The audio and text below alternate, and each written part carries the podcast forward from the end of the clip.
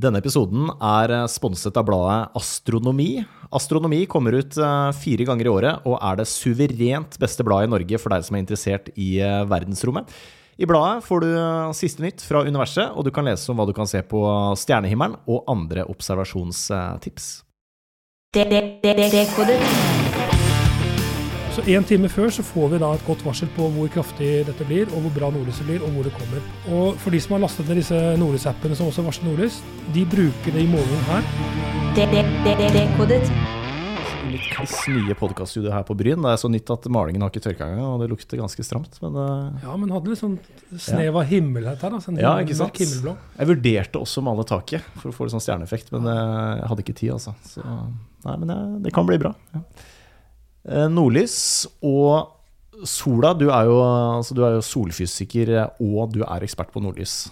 Ja. Så her føler jeg at vi har eh, truffet blink. Eh, hvor skal vi starte? Eh, for det henger jo sammen, ikke sant? Ja, det er nordlyset. Nordlyset er jo som sagt eh, naturens mest fantastiske lysfenomen, som eh, man kan oppleve eh, spesielt hvis man drar langt nord.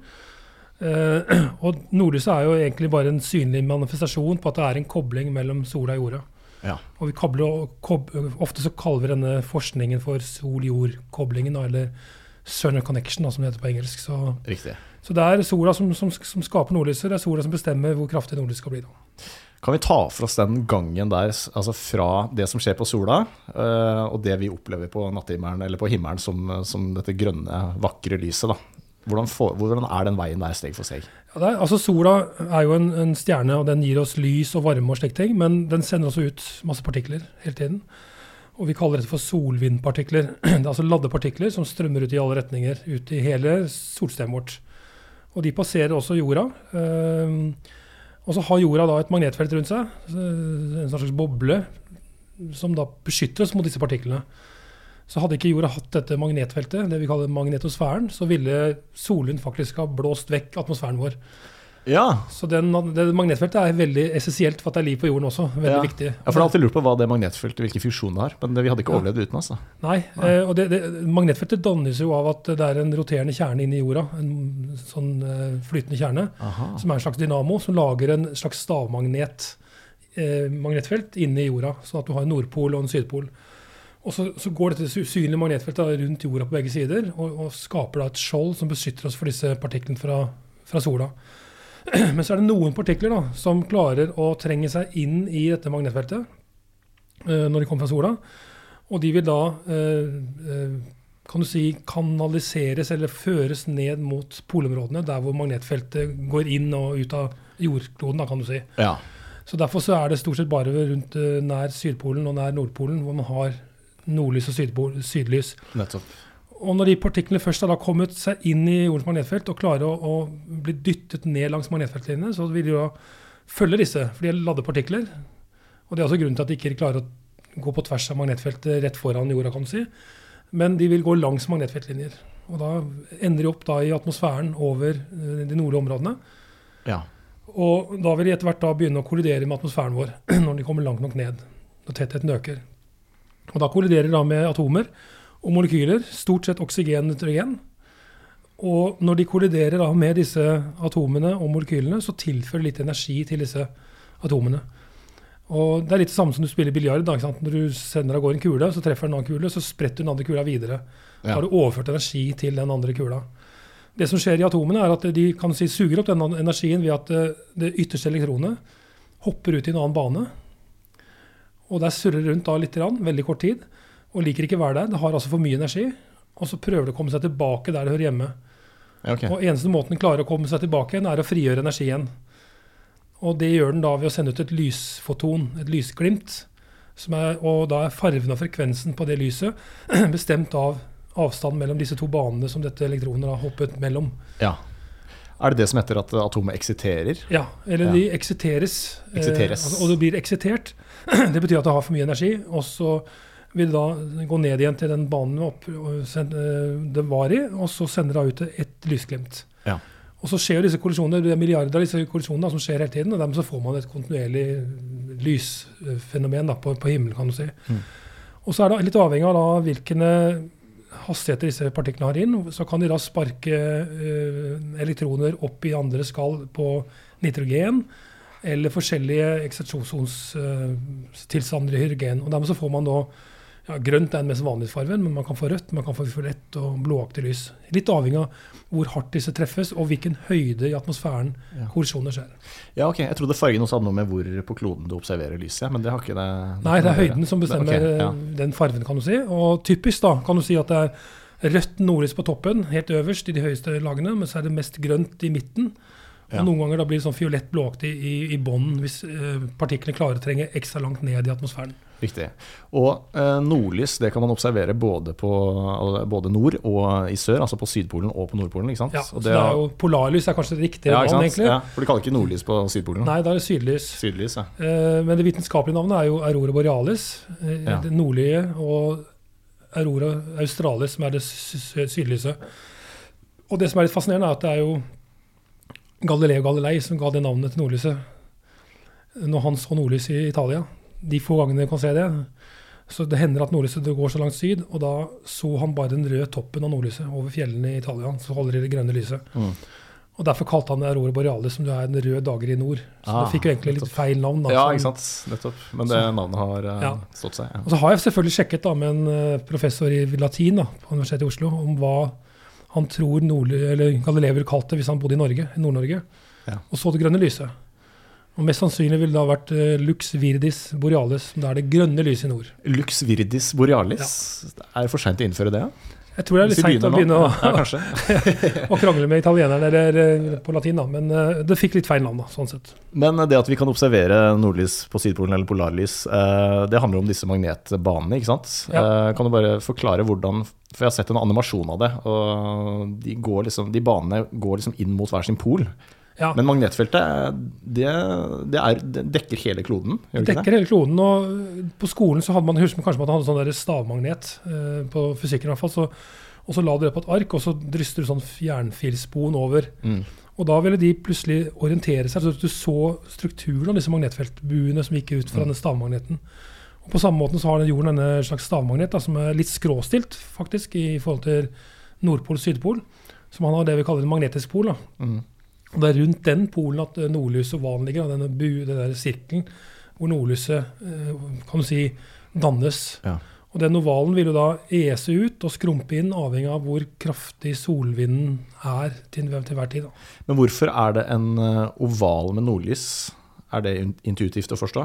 Uh, skulle Nei, du tenke seg at det har var to flekker, liksom. En på Ja, nord og Nei, altså det er jo, hvis du deg, hvis du ser for deg jordkloden da, og solen på den ene siden som lyser på, på jordkloden, halvparten av jordkloden, eh, så vil også solvinden komme fra samme, samme delen.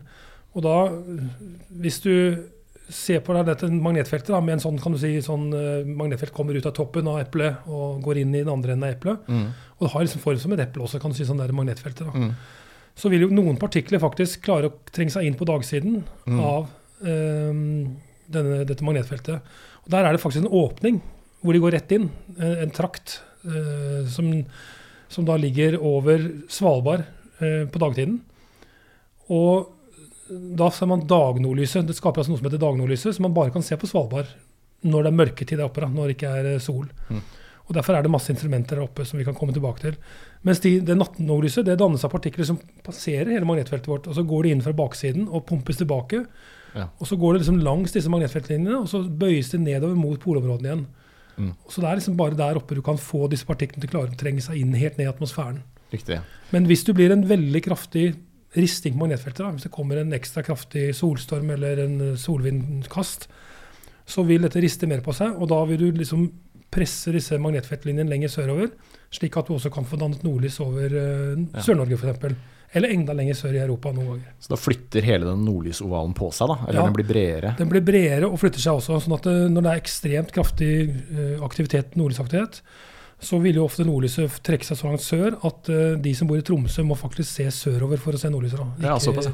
rett, rett over seg lenger. Ja, ikke sant? For jeg har øh, observert nordlys uh, i Lillestrøm-området, Oslo, så langt sør som dette Ja, også. I siste årene så har jo sola vært veldig aktiv, så det har vært nordlys eh, I vinter har det vært sikkert nordlys eh, 10-12 ganger over Mm. Sør-Norge. Eh, noen ganger så er det selvfølgelig dårlig vær, og sånt, men det har vært eh, mye flott nordlys også her i sør, særlig i høst og Nå nylig også litt i, etter jul, så har det vært noen fine kvelder. da. Og igjen, helt ned i Danmark og Tyskland, også vært nord- nordlys i vinter. da. Og denne nordlysovalen, hvilke land dekker den? For det er jo åpenbart Norge. Eh, Ja, den går jo rundt hele den, den, den ligger jo, Når det er natt hos oss, så ligger den feiteste delen over Norge og Skandinavia. kan si. Men når det er natt i USA igjen, så ligger Mm. den feite delen over Canada og Ja. Alaska. Men den, normalt sett, når det, kan si det er rolige forhold, da, så ligger nordlyset mellom Svalbard og Norge. Eh, og så kommer den noen ganger inn over helt Nord-Norge. Ja. Så i prinsippet, siden nordlyset er jo høyt på himmelen, så kan du se nordlys også fra Tromsø og Alta, selv om nordlysovalen ligger over midten av ja, så Du trenger ikke å stå rett under nordlysovalen Nei. for å observere det? Du Nei, kan- du ser nordlys i horisonten. Da, så, Mm. og typisk i Oslo, når du ser det her, så er det sjelden at det er rett over huet, men det er oftest da Mm. over Nordmarka, kan du si, hvis du ser fra Oslo. og sånt. Ja, ikke sant? Og Island òg, kan man observere nordlys der Da? Ja, så den går da over Island, og den går over eh, Canada og nordlig delen av Alaska eh, og Sibir. Og, og nordlig delen av Finland, kan du si. Mm. Eh, der er det oftest nordlys. Eh, når det gjelder å prøve å reise til de stedene, så er det klart at det er- mye lettere å reise til Skandinavia, Nord- Nord- Nord-Norge spesielt. Fordi at eh, Først har vi Golfstrøm, det er ganske mildt klima i forhold til Sibir og Nord-Canada og Alaska. Um, og det andre er jo at det er jo masse infrastruktur, det er lett å reise, det er flyplasser overalt. Mens i Sibir og Nord-Canada så er det ingen flyplasser. Da må du ha en ekspedisjon. ikke? Ja, ikke. Og Island ligger sånn marginalt litt lenger sør, så det er, eh, det er oftere nordlys da i Nord-Norge enn det er på Island. da. Ja. Og er altså denne nordlysovalen, eller nordlyset, da, er, det der permanent? Så er det bare at vi ser det kun når det er klart? Det er, det er der hver dag, eh, sommer og vinter. ja, Eh, om sommeren ser du selvfølgelig ikke, for da er det midnattssol. så da er det jo, Ja. Sola skinner jo hele dagen. Eh, og så er det selvfølgelig, ofte når det er dårlig vær, så er det jo nordlys over himmelen. Altså. Mm. Så, så egentlig så fly er jo en fin måte. Hvis du flyr fra Svalbard til Tromsø eller uh, i Nord-Norge, så flyr man jo litt over skyene. og Da vil man Mm. jo se nordlys hvis man flyr, flyr om kvelden. Ja. Eller hvis man skal til USA og skal hjem igjen, så er det veldig viktig å passe på at man har et vindussete på venstre side av flyet. Okay. For da flyr man inn over Grønland, og da ser man Ja. nordlys hver eneste natt man flyr. Uh, Så det er litt stille. da. Altså Bor du oppe i nord der og oppe i Tromsø, så er det kanskje litt blasert. da. Da er det kanskje ikke så stas når du ser eh, på himmelen hver natt. Jeg vet ikke. Jo, Så altså selv, selv, selv nordlendinger blir jo fascinert når det er veldig kraftig utbrudd. Når det blir dette veldig farvespill, og det danser og, og ser helt crazy ut. Da. Så, Mm. Ja. så man blir ikke lei av nordlys, egentlig. tror jeg. Men du sa i stad at eh, altså, det, er et, eh, det er fotoner vi snakker om. For jeg har hørt at nordlys er grunnleggende annen type lys enn det vi ser ellers. da. Ikke sant? At, uh... Nei, egentlig ikke noe annet lys. Det er bare at eh, det, det man gjorde den gangen, eh, når man lurte på hva dette var, så var det jo vel, en av de første teoriene var jo at det var en svenske da, som mente at det kanskje var reflektert sollys fra iskrystaller i atmosfæren. mm. Altså Sola har gått ned under horisonten, og så lyser den opp på noen iskrystaller over, over deg. Eh, og det var noe man trodde den gangen, eh, eh, på slutten av 1600-1700-tallet. Eh, men etter hvert så fikk man det man kaller spektroskopi. Da, at man kunne splitte lyset i alle fargene ved å bruke et prisme eller noe annet. Og da kunne man måle fargene til nordlyset, og da skjønte man det at det, det kunne ikke være reflektert sollys. For det hadde en helt annen karakteristikk enn en sollys. Mm. Men at det måtte komme noe som lyste ut atmosfæren. Og det var det vi snakket om i sted, at det er eksiterte atomer da, som sender ut lys på ulike frekvenser i atmosfæren. Mm. Og alle her, vi ser i taket her, så har vi et lysstoffrør. Mm. Og de fleste har et lysstoffrør i, i taket, setter et reklameskilt. Akkurat samme teknikken. Eh, du har et, et rør du har fylt med gass. Og så sendes det skru på strømmen, så fyker elektronene gjennom den gassen. Og da vil de kollidere med atomene inn der og eksitere hvert atom. Okay. Og så sender de ut lys igjen. Så inni Ja. der så er det jo millioner av nå små Ja. kollisjoner som skaper det lyset. Så det er nordlys vi ser på, bare en Ja, annen bølgelengde? Ja. Det, det som er spesielt med disse lysstoffrørene, er at det er jo sånn kvikksølvgass inni, inni disse rørene. Mm. Så når disse elektronene kolliderer med kvikksølvgassen, så lager de ultrafett lys. Ja, Og det kan ikke vi se. Okay. Og så går det lyset ut fra atomet, og så treffer det glasset i det røret. Mm. Og det har man belagt med sånn fluor- eller fosforlignende stoff. da, Riktig. Selvlysende. Ja. Så, når, så da skjer teknikken en gang til. da. Det Mm. UV-lyset treffer da et eh, atom i det glasset, og så eksisteres det der, og så sender det ut da på synlys. Nettopp. Du har liksom effekten bare to ganger, da, men i prinsippet er det akkurat samme. Ja. Så kan man putte inn ulike gasser og få ulike farger hvis man vil. ikke Ja. Eh, sånn, ja. Får du kanskje ikke kjøpt lysstoffrør lenger? Er ikke det som, som er fases ut? Det, det, det aner jeg ikke faktisk. Jeg har ikke. ikke det hjemme, men eh, det er jo mange kontorer som har ikke Ja, så skulle tro at det, Ja. Men det er mulig at vi lager noen LED-løsning i dette her. Men uh, i prinsippet så er det samme. Så Ja. du kan si at nordlyset er et gigantisk reklameskilt. Ja, okay. ja, ikke sant. Det er det det er. Uh, men så er det det at eh, sant, noen ganger så lyser det veldig kraftig, Ja. Uh, andre ganger mindre. Men, og det har noe med disse solvindene å gjøre, har det det? Altså hvor kraftige solvinder som slynges ut av sola. Vi kan ta litt om det. Altså, og hva, først litt om solvinder. da. Hva er det, og hva, hva forårsaker det? solvind er jo disse partiklene fra sola, altså protoner og elektroner, som, som da skyves vekk fra sola med stor hastighet. Beveger seg typisk med en hastighet på 400 km per sekund. Og det er det samme som 1,5 million km i timen. Så det er rimelig fort. Mm. Men siden det er stor avstand til sola, så bruker de allikevel eh, et par dager på å nå oss. da. Og Noen ganger så får du da eh, kan du si vindkast, hvor det kommer en, eh, et kraftigere kast i den solvinden. Og Du kan se på et sånt vindkast også. Akkurat som du har et flagg som da vaier veldig forsiktig, så plutselig kommer et vindkast, og vaier det veldig kraftig. Og På samme måten så vil da jordens magnetfelt reagere på samme måten at det, det vibrerer og rister på seg kraftigere når det kommer et vindkast. Mm. Og så har du noen ganger da solstormer, som er enorme gasskyer som da slynges ut. Og da kan du få eh, ekstreme vindkast, kan du si. Og da skaper det veldig kraftig nordlys. Og da som igjen vil trekke seg langt sør i landet, og Mm. noen ganger ned i Europa. Til og med helt ned i Italia, eller Florida noen ganger. Ja. ekstremt tilfeller. Så det er jo sola da, som hele tiden bestemmer hvordan eh, nordlyset skal, eller hvor kraftig det skal være. Og ved å studere sola, så kan man da også varsle nordlys vel ganske godt okay. et par dager i forveien. Ja. Så det er liksom to typer varsler. Man har, eller egentlig har man også langtidsvarsler, men i utgangspunktet når man ser en solstorm komme ut fra sola, så kan man estimere ankomsttiden til eh, jorda og si at f.eks. Om, om to dager så blir det veldig bra nordlysforhold. Mm. Og det, Sånne ting legges ut på nett hele tiden. Det kan man følge med på. Ja. Og så har vi da en, eh, to satellitter som sitter på utsiden av magnetfelt i et punkt som heter Lagrange-punkt nummer én. Der ligger også SO-satellitten som jeg har jobbet med, som ser på sola. Mm. Um, den har en sånn vindmåler og en måler for magnetfeltet til, til gasskyen. Så da får vi den første ordentlige målingen på denne gasskyen. Hvor fort den beveger seg, tettheten og hvilken retning magnetfeltet har. For det er også veldig viktig hvor Ja. kraftig koblingen med jordens magnetfelt skal bli. Og den ligger ca. én time før den treffer. da. Ja, Så én time før så får vi da et godt varsel på hvor kraftig dette blir, og hvor bra nordlyset blir, og hvor det kommer.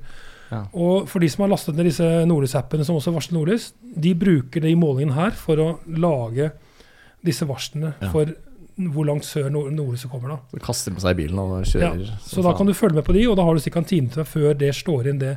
Og de virker jo kontinuerlig, så de oppgraderes hele tiden. At nå blir det kanskje nordlys helt ned til Trondheim, ikke sant? Eller Ja. oi, nå, nå blir det kanskje nordlys ned til, til Oslo. Mm. Så, så på den måten så kan man eh, lage ganske gode varsler. da. Stilig.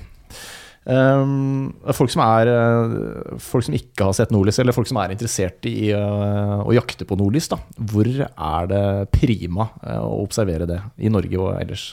Ja, Det er som sagt å dra lengst mulig nord. Uh, Tromsø er det mest populære stedet, for det er lett å fly dit. Det er, og det er masse nordlysturisme der. Du kan få guidet turer og være med ut. Og de kjører da vekk fra byen, langt inn på vidda, der hvor det er klarvær ikke sant, eh, hele tiden.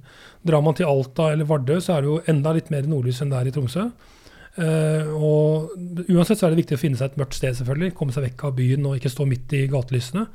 Uh, for da, er da får du ikke det inn, Du må ha mørk himmel, da, kan du si. Mm. Og Det samme gjelder jo hvis du er i Oslo og det er varslet nordlys her. Du må komme deg ut av byen. Mm. Uh, jeg drar ofte inn altså Et sted her i Oslo er et fint sted, er jo det står rett foran uh, Bogstad golfklubb, f.eks. Bak klubbhuset der. Eller dra lenger inn i Søkedalen, eller i Maridalen eller Lommedalen et eller annet sted. Mm. Eller ut på et jorde, vekk fra gatelys, så du får et mørk himmel. Og du, Den beste testen er egentlig å se på himmelen. Og hvis du bare så vidt kan skimte Karlsvogna, f.eks., de fire sterkeste stjernene der, Mm. da er det ofte for lyst, for mye strølys da, fra byen til Ja. at du kan se nordlys bra. Okay. Du må dra et sted hvor du kan se også svake stjerner. sant? Og, og Derfor så er jo på fjellet eller ved sjøen eller det beste stedene ikke sant? å oppleve nordlys. da. Gjør det noe at månen lyser, eller? Ja, den, den kan også ødelegge litt, for at hvis det er mye fuktighet i, i atmosfæren, i luftlagene over, eh, så blir det ofte litt disig. da, eller sånn, der, sånn litt eh, melkeaktig hvit himmel også. Ja. Så det er alltid best å se Det gjelder jo selvfølgelig også å se på stjerner. Skal du ut og se på stjerner, så lønner det seg ikke være der når månen er full, da, kan du si. Jeg pleier å gjøre det. altså Følger du med på nordlysvarsel og drar ut og ser og tar Det gjør jeg. og- Og jeg har jo veldig mange av disse nordlysappene de varsler også med sånn push-varsler. Ja. Og de varsler bare når det er nordlys synlig der, når, der hvor du er da, til enhver Mm. tid. Den, den, mobilen vet jo hvor du er hele tiden. Ja. Uh, og da sjekker jeg litt over, og så ser jeg da om det er uh, bra, og så sjekker jeg selvfølgelig værmeldingen om det er klarvær. Hvis det ikke er klarvær, så er det jo ikke så viktig å gå ut. Nei, men så, så, så, så, så kan man gå ut da og vente. Men det som er aller viktigste, er jo selvfølgelig, i tillegg til å finne et mørkt sted, og det er å være tålmodig. Selv om det er varslet, eh, noen av avisene slår opp at eh, i kveld er det varslet masse nordlys, ikke sant? Mm. Kraftig nordlys også i Sør-Norge. Så, så er nordlyset ikke der til enhver tid sånn det kraftige. Det kommer ofte i sånne bølger. Mm. Uh, og typisk så er det bare én eller to ganger i løpet av natta det kommer sånn veldig kraftig utbrudd. Som varer Ja. kanskje en times tid.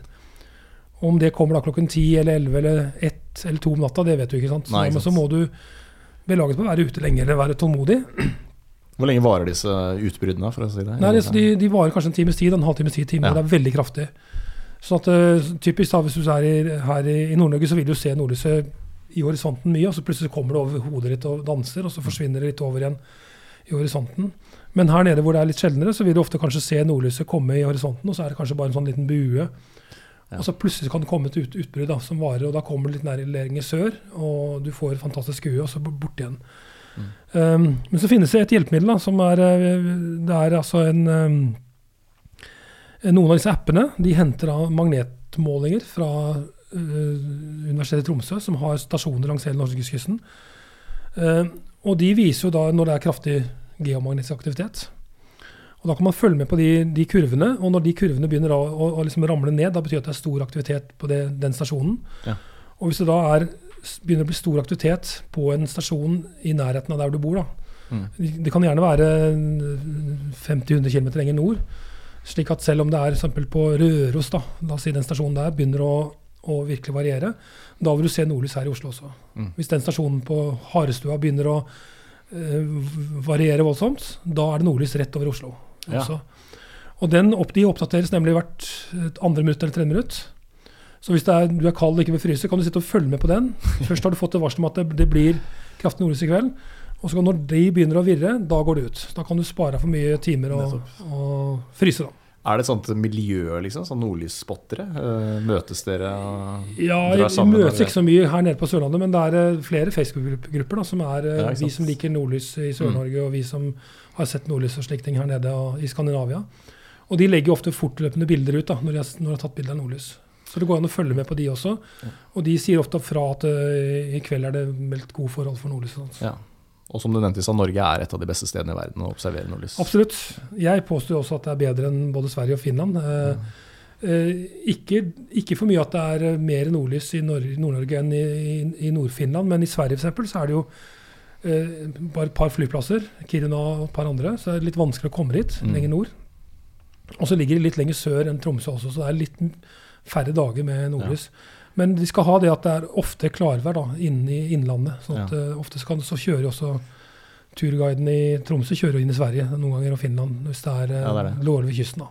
Og så er det et eller annet med det norske landskapet også, da, som er veldig vakkert med nordlys. og Du har sett Fjellene fotografier som er i Ja. fjellene. ikke sant? Så Ja, det ser helt er sinnssykt helt fantastisk. Da. Hva er den råeste nordlysopplevelsen du har hatt? Det kraftigste Eh, lyset du jeg har har hatt et par, men det, var, det ene var kanskje under den der store konferansen som nå er eh, i Tromsø hvert år, Arctic Frontiers. Som kommer da, da kommer det folk fra hele, hele verden. Eh, og da var det, vi hadde en mottakelse med alle disse menneskene. Og så plutselig så, så jeg at det nå begynte å bli mye nordlys. og Da tok vi og bestilte to maxitaxier til de viktigste menneskene på den konferansen. Og kjørte de bare sør på øya, for det var mørkt og fint på sør, sørenden av Tromsøya. Og da fikk vi et av de flotteste nordlysene jeg også har opplevd da, på den kvelden. Sammen med disse som aldri har sett nordlys før. Moro, da. Ja. Og så var det kanskje en annen morsom historie. var jo den gangen eh, prins Albert var på Artifontiers, da. Å ja. Og han hadde aldri sett nordlys. da. Nei. Så han ville ut og se nordlys, og så ble jeg dratt med som sånn privatguide sammen med direktøren på universitetet og en til, og med livvakter og kortesje ut på vidda. Så så fikk vi da se nordlys etter hvert, og sto der i, og frøys da i dressjakker. og eh, Han forklarte, spurte greier, da, og- men han var, fikk en opplevelse uten like, da, han også, på vidda der. Ja, det var verdt å fryse. Absolutt, det var gøy. Og så er det en, eh, det er en vitenskapsmann som ikke jeg kjenner så godt til, men jeg har skjønt at han, eh, han har utretta litt. eh, Christian Birkeland. første som ga en ordentlig forklaring på hvordan det hele henger sammen, var det det? Når det Jo. kommer til nordlys? Han, han er jo også kanskje regna for å være romforskerens far, den første ordentlige romforskeren. ja. Men på den tiden han levde, så, så var det mange teorier om nordlyset. Eh, snakket om disse reflektert sollys fra sola. Eh, Edmund Halley, han som oppdaget Halleys komet, han hadde jo en teori om at, eh, at nordlyset var, skyldes eh, magnetisk væske som lekket ut i Arktis, og, og, og gikk opp langs magnetfeltlinjene og lagde nordlys da. Men Spirkeland var den første da, til å, å, å ha denne ideen om at uh, det var ladde partikler fra sola som kom. At uh, verdensrommet var ikke tomt. Uh, og han kom med en teori, da, om at det var disse partiklene som lagde nordlys. Han ble ikke trodd, og han ble motarbeida, særlig av de engelske forskerne Chapman og lord uh, Kelvin, var det vel. Um, og han ga seg ikke, og så tenkte han sånn, jeg skal prøve å lage et eksperiment da, som skal lage kunstig nordlys. Så lagde han dette berømte Terella-eksperimentet sitt, som var en glassboks uh, som var lufttett. Så pumpa han ut all lufta av den boksen, og så inni der så hadde han en metallkule som var jordkloden, og inni der hadde han en skråstilt magnet, Ja. som stavmagnet. Og så bombarderte han den med elektroner, da, Mm. Og klarte å da skape kunstig nordlys denne, rundt denne kula, både på den nordlige halvkule og den sydlige halvkule. Yes. Og mente da Velkommen til Kjemperådet! Yes. Denne gangen har vi fått inn et kjempedilemma fra en familie. Okay. Jeg leser Hei, vi er litt uenige i familien her. Mm. Hvis du skulle vært et dyr, ville du hatt gjeller eller vinger? Oi, den er tricky. Ja, hva ville dere hatt da? Altså, jeg vet ikke, men Med familierabatt får de ubegrenset data fra Telenor fra 399 kroner. Da kan de jo scrolle seg til svaret, rett og slett. Ja, ok, Men for min del Ja. Nei, Nei, nei, nei, vinger. Nei, nei, gjeller. Ja, okay, ja, kjempebra. Men eh, se nye mobilabonnement på telenor.no, da. at han hadde bevist sin egen teori. da. Men selv det var ikke nok til at han fikk eh, overbevist disse engelske forskerne da, som ikke trodde på han. Og, så han, selv når han døde bare 50 år gammel, så var ikke hans teori da anerkjent. Og selv Nei. Universitetet i Oslo brukte ikke hans teorier i undervisningen. Så vi måtte faktisk vente helt til, til eh, 1959 og 1961, når man fikk satellitter som klarte å måle solvind for første gang, og så målte disse elektriske strømmene. Mm. Som da beviste at Birkeland hadde rett hele tiden. Så, Ja. Så Birkeland var den første som forsto hvordan det faktisk hang seg ja. Mekanismene bak. Ja. Absolutt. Og han var jo i tillegg til å være en, eh, en, en topp forsker da, som forska på nordlyset, så var han jo også en, en utrolig øh, oppfinner. Han har jo oppfunnet masse ting, da, som eh, elektriske høreapparater, eh, raffinering av olje og gass. Og Yes. um, han tok jo patent på mange av disse her for å tjene penger til forskningen sin. Ja. Men det aller største var jo den der elektriske kanonen da, som han bygde, som han skøyt med. Men så var det et sånt, en demonstrasjon nede i Auland hvor han da skulle demonstrere den her for alle flotte menneskene, og så eksploderte den kanonen. da. Og da kom det sånn lysbue, og så lukta han nitrogen. da. Ja. Og det var på den tiden hvor eh, en hel verden da lurte på hvordan man skulle klare å fø på alle menneskene, for at man hadde mangel på, kunst, nei, på gjødsel. Ah, Man brukte jo sånn fugleskit da, for, fra hele verden og importerte det for å lage gjødsel da, for okay. Jordbruket. Og man hadde gått nesten tom for denne type gjødsel. da. Så det var eh, flere forskere i verden som mente at eh, vi måtte prøve å lage kunstig kunstgjødsel.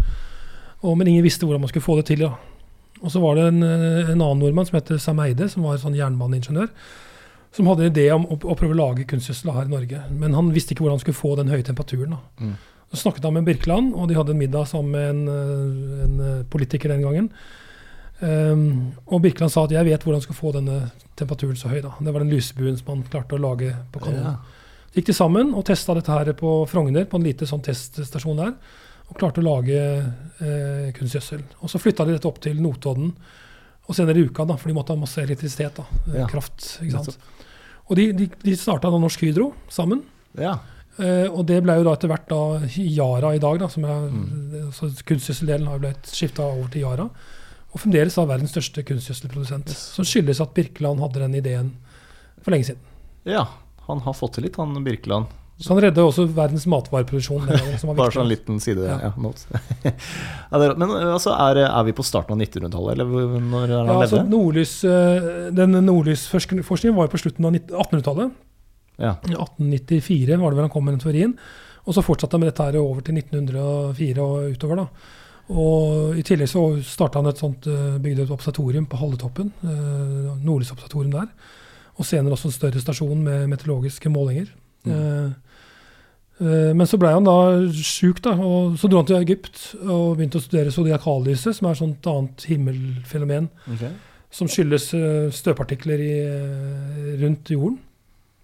Eh, og så begynte han å bli paranoid, og så dro han til eh, Tokyo, for han skulle hjem til Norge for å feire sin 50-årsdag. da, Men da var det krigen brutt ut. Mm. Og så dro han hjem og via Japan. Og så ble han værende der for å jobbe sammen med en kompis.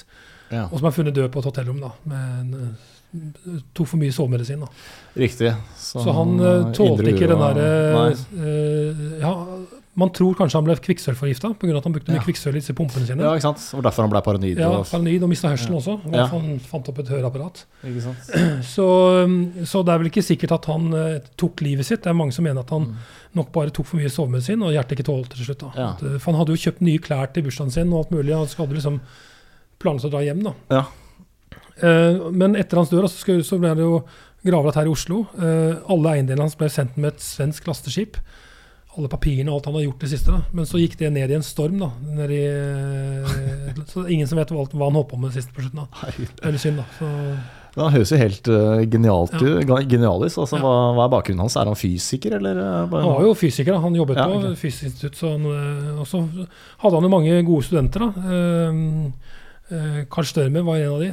Eh, Han som oppfant det første nordlyskamera. Ja. Som tok bilder av nordlyset og klarte å bestemme høyden til nordlyset. Det klarte ikke Birkeland å få til.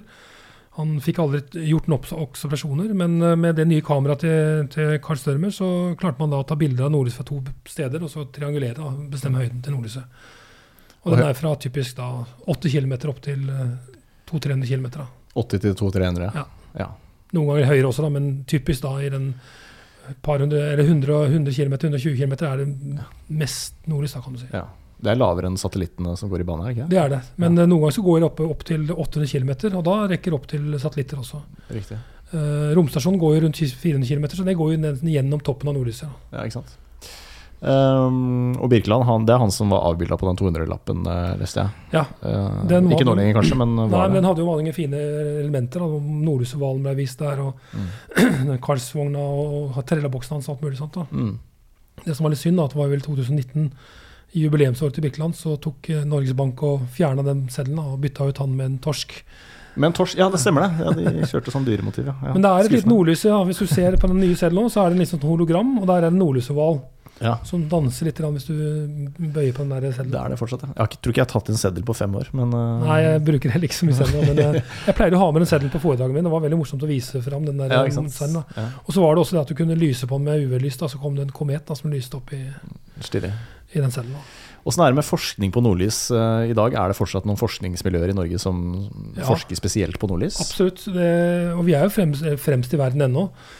Og det skyldes jo at vi er på en riktig sted ikke sant? Med, med, med god lokasjon. Altså, vi kan si at vi fikk jo den rådhusplassen på monopolbrettet Ja, når det gjelder nordlys. Men er det, noe, er det noe mer å finne ut nå, da? For nå veit vi hvordan det funker og mekanismene Ja. bak. Og, det, er, det, er, det er masse altså, For det første er de miljøene som jobber med nordlys i dag, det er jo eh, kan du si, Universitetet i Oslo. De jobber med nordlys, og særlig fra raketter. De skyter raketter fra Andøya gjennom nordlyset. Universitetet i Bergen de har jobbet mye med nordlys sett fra satellitter. Eh, Universitetet i Tromsø de har jo da mer studert i nordlyset med kameraer og slike ting. Og så har du da eh, Universitetssenteret på Svalbard, UNIS. De har jo eh, masse nordlysforskning. Og de har også bygd verdens største optiske observatorium, Kjell Henriksen-observatoriet. Ja. eh, som har 32 rom med 32 instrumenter som ser på nordlys. og iScat-antenne og slike ting. Så det er et veldig sterkt forskningsmiljø. Og så kommer da i tillegg NASA og JAXA, og, altså Japan og Tyskland. Skyter raketter fra Andøya og fra Svalbard for å forske på nordlyset med sine raketter. Så det er et stort forskningsfelt. Men så er jo da det at eh, det er mange ting vi ikke forstår ennå, men så har jo da denne nordlysforskningen fått en praksisanvendelse også. At de samme solstormene og det samme tingene som skjer i atmosfæren, skaper det vi kaller romvær. Som da forstyrrer satellittsignaler, forstyrrer radiokommunikasjon. Okay. Kan føre til strømbrudd og slike ting. Så romvær er jo en, en biforskning da, av dette med Ja. sol-jord-koblingen. Så når det er veldig kraftig nordlys, så er det også romvær? Da er det mye romvær, og da er det store forstyrrelser på GPS, og da blir GPS-en din unøyaktig. yes. og Du kan miste radiokommunikasjon, og Ja. fly mister kommunikasjon med flytårn og slike ting. Riktig. Ja. og polområdene og slike ting. Så det er mange ting som da kan du si at denne forskningen har fått en praktisk anvendelse. da, Ja, ja. Som er uh, viktig for de som, som er avhengig av satellittkommunikasjon og Mm. redningsaksjoner. Uh, boring etter olje og gass. Alt dette her påvirkes da av Ja. Av solskjermer. Så de kan rett og slett bruke sånn Aurora-varsling på lastende appen og bruke det som Ja, det lag, men nå lages det romværvarsel som er mer retta mot industrien da, kan du Ja. Mm. si, og satellitteiere. Som, eh, så, det, så det er altså Norge med på. da. Men nå er det jo, nå er det jo januar. Hvor lenge er nordlyssesongen? Hvor lenge varer det? Hvor, Den varer jo typisk til uh, slutten av april, begynnelsen av mai. Ja. Da begynner jo nettene å bli så lyse langt mot nord at uh, det er vanskelig å se nordlys. da. Mm. Og så begynner den da i slutten av, helt slutten av august-september, så er det liksom, begynner det å bli såpass mørkt igjen at du ser nordlys da. mm. Uh, så, men typisk da kan du si fra september til slutten av april-mai, da, Uh, Ja. begynnelsen av mai, så, så er det fint å se nordlys. ja, og mellom mai og september så er det ikke, nesten ikke mulig, kanskje? Da er det ikke mulig Nei. stort sett å se det, for da er det for mørke netta. Med mindre det er altså ekstremt kraftige stormer, som da viser nordlys Mm. her nede i sør. Og her er jo nettene mørke allerede liksom i begynnelsen av august igjen, ikke sant? og eller ut i mai, eh, begynnelsen av juni faktisk. Mm. Ja. Så, og så er det, ja, det er eh, eh, selvfølgelig På vinteren så er det nordlys, og hvis man vil oppleve nordlys midt på dagen, så drar man til Svalbard om vinteren. Ja. Hva er sjansen for at jeg kommer til å oppleve noe nordlys her nede i sør i løpet av vinteren? Er det, liksom, er er det så sjelden at den er Nei, god? Ja? den er god, så nå har vi jo fremdeles da tre, over tre måneder igjen da, av sesongen her nede. Mm. Eh, og jeg vil tippe at det kommer til å være nordlys her nede i sør eh, kanskje ti ganger til da, i løpet av sesongen. Ja. La oss si det er dårlig vær på halvparten av de, da, så fem ganger i hvert fall har du Ja, god mulighet til å se nordlys her i Sør-Norge. Og skal du ta bilde av det, så må du vel ha et speilreflekskamera? Jeg, tror, jeg tror ikke iPhone eh, fanger opp Nei, det. Nei, mobiltelefonen er ikke vanligvis god nok, da, selv om noen av de har blitt ganske gode på å ta mørke bilder. Så jeg har sett noen som har klart å ta ganske gode bilder av nordlys hvis det er sterkt. Men det beste er et speilreflekskamera, og ikke minst da en, et stativ. For du trenger ofte da lang eksponeringstid, da, fra Mm. et par sekunder til ti sekunder. Uh, og så lønner det seg å, å skru den der, eh, det F-tallet til det laveste, altså størst mulig blenderåpning. Um, skru av autofokusfemmel og sånne ting. Mm. Um, gjerne ha en linse som har også et uh, lavt F-tall, kan du si. Mm. Det er jo det som ofte gjør linsa dyr også. Sånn, så Hvis du kjøper en, et typisk da, sånn speilreflekskamera i, i butikken, så kommer det med en ferdig linse, som Mm. er sånn standardlinse. Den har jo typisk da sånn F-tall på F 3,5 som det minste. Ja.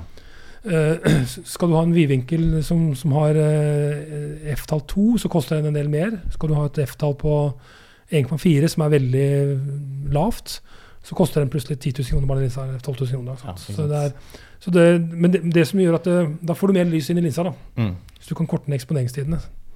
Men det går fint an å bruke de andre linsene også, men da må du ha litt lengre eksponeringstid. Så riktig linse, skjerf, lue og tålmodighet, så er du rigga. Og stativ. Det er veldig viktig. Du kan ikke holde kameraet stille. kan du si stort sett. Nei, nettopp. veldig viktig. Nei, men Bra. eh, Spennende. Og du har jo også Du har laga en dokumentar også, om nordlys. Eh, Hvor er det folk, Hvis folk er nysgjerrige på den, hvor kan de eh, se den? Ja, Den hadde vi jo i utgangspunktet lagd på DVD i gamle dager, og det er ikke så veldig inn lenger. Så har jeg laga den på en sånn USB-brikke som du kan, øh, kan kjøpe. Men nå har vi gjort det sånn at det er mye lettere å laste ned da, fra, Ja. fra hjemmesiden min. Uh, solarmax.no. Der finner man både nå den dokumentaren, som er på åtte språk. Du kan velge kinesisk, japansk, norsk eller Mm. Erik Tandberg som leser teksten på norsk. da, Ja, det er litt stas. Og så, ligger det også veldig mange av bøkene mine er som e-bøker. da. Man kan laste ned Ja. bøkene også digitalt. da, kan du si. Ja. Så for at nå er det, ja, De unge leser jo stort sett ikke papirbøker lenger. Gjør ikke det, vet du. De er på internett og TikTok.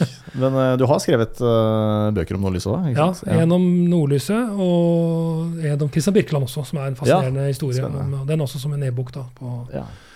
hjemmesiden der. da. Solarmax.no er et sted å gå da. Finnes de i fysisk format også? De bøkene? Det gjør de. Uh, Det er ikke så mange butikkene som har det igjen, for jeg har ikke trykk, giddet å trykke opp mer. Så jeg, har, jeg har noen hjemme, så det går an å bestille også bøker, selvfølgelig. Men uh, begynner å tynnes ut her. Så.